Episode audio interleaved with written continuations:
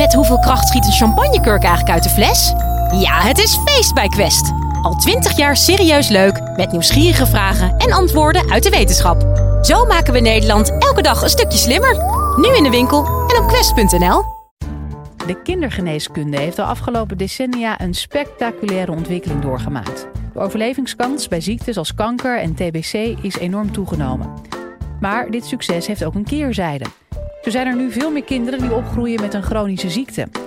En hoe zorg je ervoor nou dat deze kinderen zoveel mogelijk een normaal leven kunnen leiden? Nou, professor Heijmans van de Universiteit van Amsterdam maakte er zijn levenswerk van en vertelt je hoe in deze podcast. Live vanuit Club Air is dit de Universiteit van Nederland. dames en heren, ik heb geprobeerd u alles uit te leggen dat de geweldige ontwikkeling in de afgelopen eeuw en de daling van zuigelingensterfte, dat dat iets te maken heeft met socio-economische omstandigheden, met hygiëne, met een heleboel dingen die een rol spelen. Maar het interessante is, de afgelopen 30 jaar zijn die socio-economische omstandigheden niet of nauwelijks veranderd.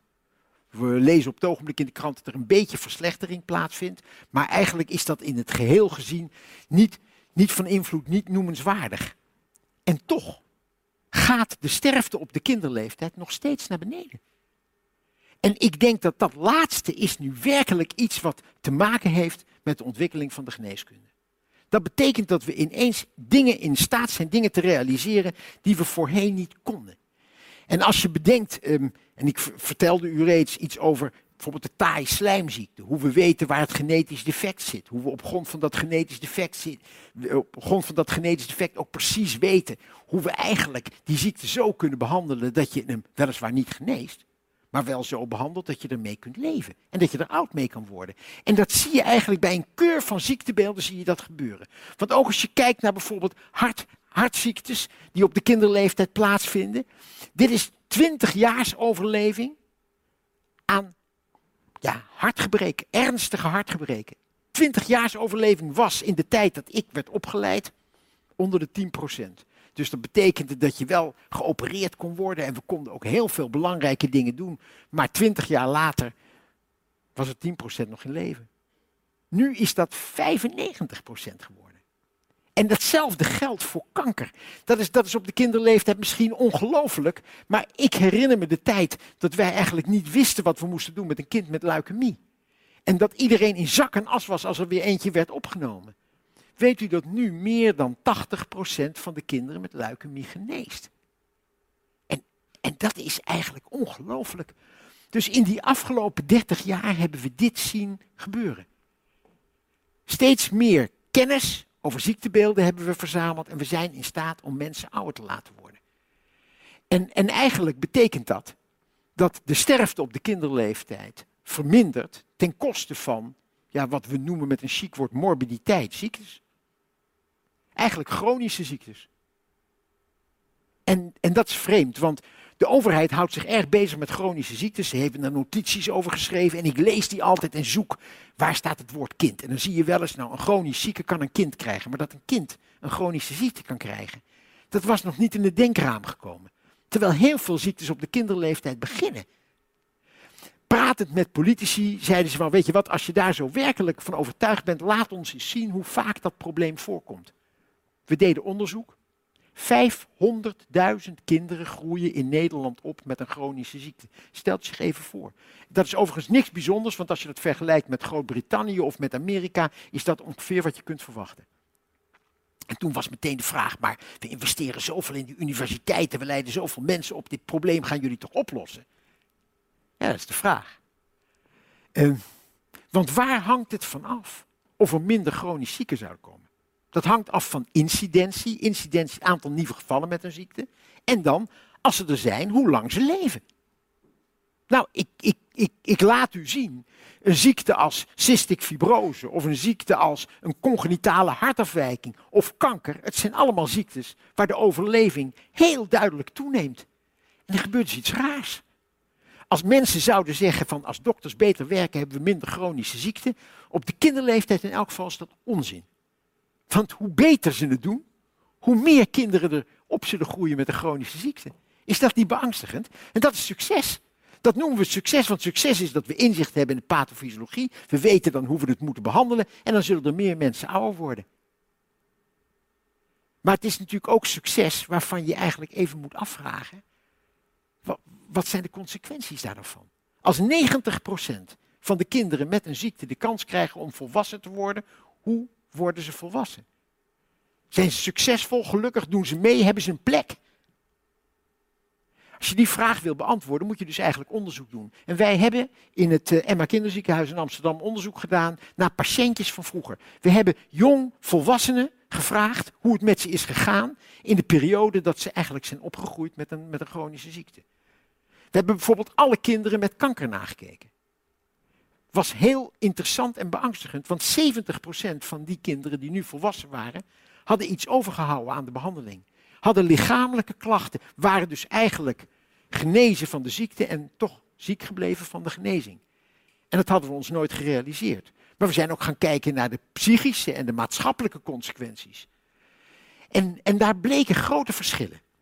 Uh, in ons ziekenhuis werd een vragenlijst ontwikkeld. We noemden dat de levensloop vragenlijst. En die vragenlijst ging over wat zijn de milestones van de ontwikkeling van iemand die ja, in de adolescentie langzaam volwassen wordt. Want eigenlijk is de kinderleeftijd een oefenperiode om volwassen te worden. Je leert van alles. Je leert bijvoorbeeld onafhankelijkheid. Dat leer je als klein kind. Logeren is niet bij je ouders thuis, is dus eigenlijk oefenen of je dat kan. En zo maak je steeds meer stapjes uh, alleen op vakantie zonder je ouders. Stel je zich even voor dat je een kind hebt met een ziekte, bijvoorbeeld met suikerziekte, die telkens insuline moet, die voortdurend zijn bloedglucose moet controleren. Kunt u zich voorstellen dat als er dan een schoolreis is, dat moeder zegt van, uh, nou ja, ik ga wel mee. Dan zit je moeder verdomme achter in de bus. En, en, en je ziet al, er gebeurt iets in de zelfstandigheidsontwikkeling aan de ene kant, maar ook bijvoorbeeld psychoseksuele ontwikkeling. Hoe ga je om met leeftijdsgenoten? Durf je dat? Wat vertel je over je ziekte? Waar... En ook de maatschappelijke ontwikkeling. Bijvoorbeeld, um, gemiddeld zal bijna elk kind vanaf 15 gedurende zijn periode op de middelbare school werken. Hij heeft een vakantiebaantje of, of hij heeft een weekendbaantje, of het nou vakkenvullen is of iets anders. Maar van de kinderen met chronische ziekte blijkt dat dat anders is. En we zagen dat opgroeien met een chronische ziekte een vertraagde ontwikkeling geeft. Zowel zelfstandigheidsontwikkeling, je psychoseksuele ontwikkeling, als je maatschappelijke ontwikkeling. En, en dat geeft je even een moment van nadenken. Want waar is eigenlijk geneeskunde mee bezig? Natuurlijk, je wil mensen gezond maken, maar in een academisch kinderziekenhuis is eigenlijk dat niet mogelijk. Want je krijgt voornamelijk patiënten die je wel kan behandelen, maar nooit helemaal kan genezen wat is gezond eigenlijk? De WHO heeft vroeger gezegd: gezond is dat je niks hebt, dat je nergens last van hebt. Ja, dat, dat, dat lukt ons niet. Ik denk dat gezondheid nu eigenlijk is dat je mensen leert met een ziekte of met een beperking die ze hebben gewoon mee te doen. En dat je ze daar 100% de kans voor geeft. En, en dat is natuurlijk iets totaal anders. Dat betekent eigenlijk een complete paradigma-shift van bijvoorbeeld kindergeneeskunde. Want dat is dus niet meer een vak waar je ziektes op de kinderleeftijd behandelt, maar je moet kinderen met een ziekte zo behandelen dat ze normaal volwassen kunnen worden. En je zult dus je best moeten doen om dat mogelijk te maken. En dat is een extra dimensie aan de kindergeneeskunde. Dat is een verandering. Die verandering hebben wij in ons ziekenhuis een metamorfose genoemd. Omdat het een verandering is voor patiënten en ouders. Maar ook voor dokters en de organisatie van een ziekenhuis. En ook voor de maatschappij. Want de patiënt moet eigenlijk leren, het gaat er dus niet om wat ik heb, maar wat ik ermee kan worden. En een ziekenhuis moet eigenlijk leren, weet je, we knokken voor je leven, ook op een intensive care doen we ons uiterste best, maar we realiseren ons ook wat je meemaakt en we gaan je helpen om daar straks mee verder te kunnen. En zo hebben we allerlei interventies bedacht. Bijvoorbeeld een programma waarin, als je polyklinisch wordt gecontroleerd, dat je thuis een vragenlijst krijgt met dingen die niet alleen over je ziekte gaan, maar ook van hoe is het met vriendjes, hoe is het thuis, hoe is het emotioneel wat heb je op school gedaan? En de dokter, voordat hij de patiënt ziet, krijgt al die informatie. En het is zo gerangschikt dat rood betekent dit verdient aandacht en groen betekent het loopt allemaal goed. Kan heel gericht en goed een polyklinische controle doen. Het blijkt niet meer tijd te kosten, het blijkt veel effectiever te zijn. Iedereen voelt zich er gelukkig mee, maar het leert ook de dokter tegelijkertijd om de hele patiënt te zien. En niet alleen de ziekte waarvoor hij de patiënt behandelt. En zo hebben we programma's gemaakt om kinderen te leren hoe ga je om met je ziekte. Dat heet op koers.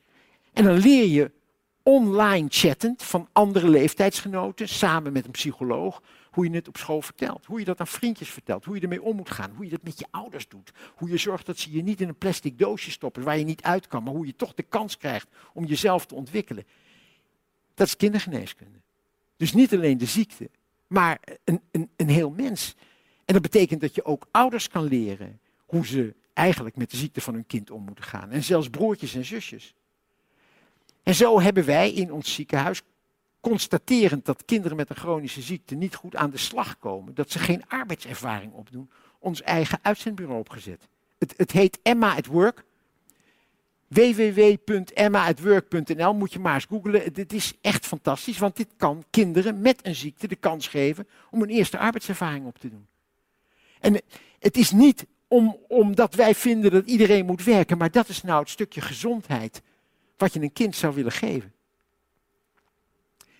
Het is wonderbaarlijk dat je met elkaar zo geleidelijk aan een verandering ziet plaatsvinden. Dat je kindergeneeskunde, waarin je de mogelijkheden hebt om mensen volwassen te laten worden met een ziekte, ook probeert vorm te geven aan hoe je dan volwassen wordt. En hoe je dan van de kans die je 30 jaar geleden niet kreeg.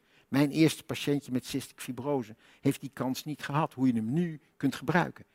Maar het wonderbaarlijke is natuurlijk, het is niet alleen een idee in de zin van zo moeten we met elkaar. Het is ook iets wat je moet bouwen, wat je moet kunnen laten zien. We hebben een nieuw kinderziekenhuis gebouwd. En dat nieuwe kinderziekenhuis ziet er echt wat dat betreft wonderbaarlijk uit. Het heeft afdelingen voor leeftijdsgroepen. Dit is een tienerkamer waar tieners met elkaar eten. En waar je ook af en toe gewoon je leven kunt doorleven. Want hoe bijvoorbeeld een keuken eruit ziet, het is een keuken waar je je vriendjes kunt laten komen. Dat betekent dat je dus vrienden houdt. Dat betekent dat je je relaties onderhoudt. Dat je met elkaar kookt. Dat je eet wat je misschien anders vrijdagavond zou kunnen doen. En dan nodig je hem uit en zeg je, hey, weet je, kom, want er is vanavond ook een film. Want ons ziekenhuis heeft een bioscoop. Het heeft een lounge voor ouders, waar ouders opgevangen kunnen worden. En wat even later kan worden omgezet in een soort van theater en een bioscoop. Een bioscoop waar gewoon een film is. Niet omdat ik denk dat iedereen films moet zien. Maar omdat ik denk dat je gewoon moet leren dat de gewone dingen in het leven doorgaan. En als je dat oefent in een ziekenhuis, dan kun je dat ook thuis. Het, uh, het zijn wonderbaarlijke dingen. In 30 jaar een compleet ander beeld. En je vraagt je wel eens af, hoe komen mensen daar naartoe? Weet u, dit is natuurlijk iets wat te maken heeft met ervaring. Je ziet dingen gebeuren en je ziet patiënten volwassen worden en tegen muren oplopen waar je ze eigenlijk voor zou willen beschermen tegelijkertijd, je doet onderzoek en je krijgt de resultaten van dat onderzoek. En daar ga je proberen wat mee te doen. Maar ik geloof dat het allerbelangrijkste is wat je meemaakt, is, dat zijn de patiënten zelf. De patiënten zelf die, die vormen een, een bron van inspiratie. En ik moet u iets vertellen over dit patiëntje. Ook een jongen die ik als klein jongetje leerde kennen met de taaislijmziekte. Maar een heel bijzondere patiënt. Hij zei al als klein jongetje tegen me, ik ben een gewoon jongetje. En hij verdomde het om fysiotherapie te krijgen waarbij hij op zijn, zijn eh, borst moest worden geklopt. Hij wilde dat niet en hij ontdekte, ik loop razendsnel de trap op, ik loop weer naar beneden, ik loop er weer razendsnel op en daarna moet ik hoesten, voel ik me een stuk beter. Hij werd atleet, hij ging ontzettend lopen en hij kon fantastische marathon lopen, zelfs met zijn cystic fibrose. Zijn ouders immigreerden naar Australië en daar kwam hij even later terecht en dit is een plaatje van de Canberra Times die zijn moeder mij opstuurde. Hij heeft de prestatieloop van de Australian Heart Foundation gelopen. En ze schrijven een inspirational effort en op zijn borst had hij laten drukken. Coughing the distance with cystic fibrosis. Maar waarom ik u dit laat zien is om wat hij op zijn rug had laten drukken.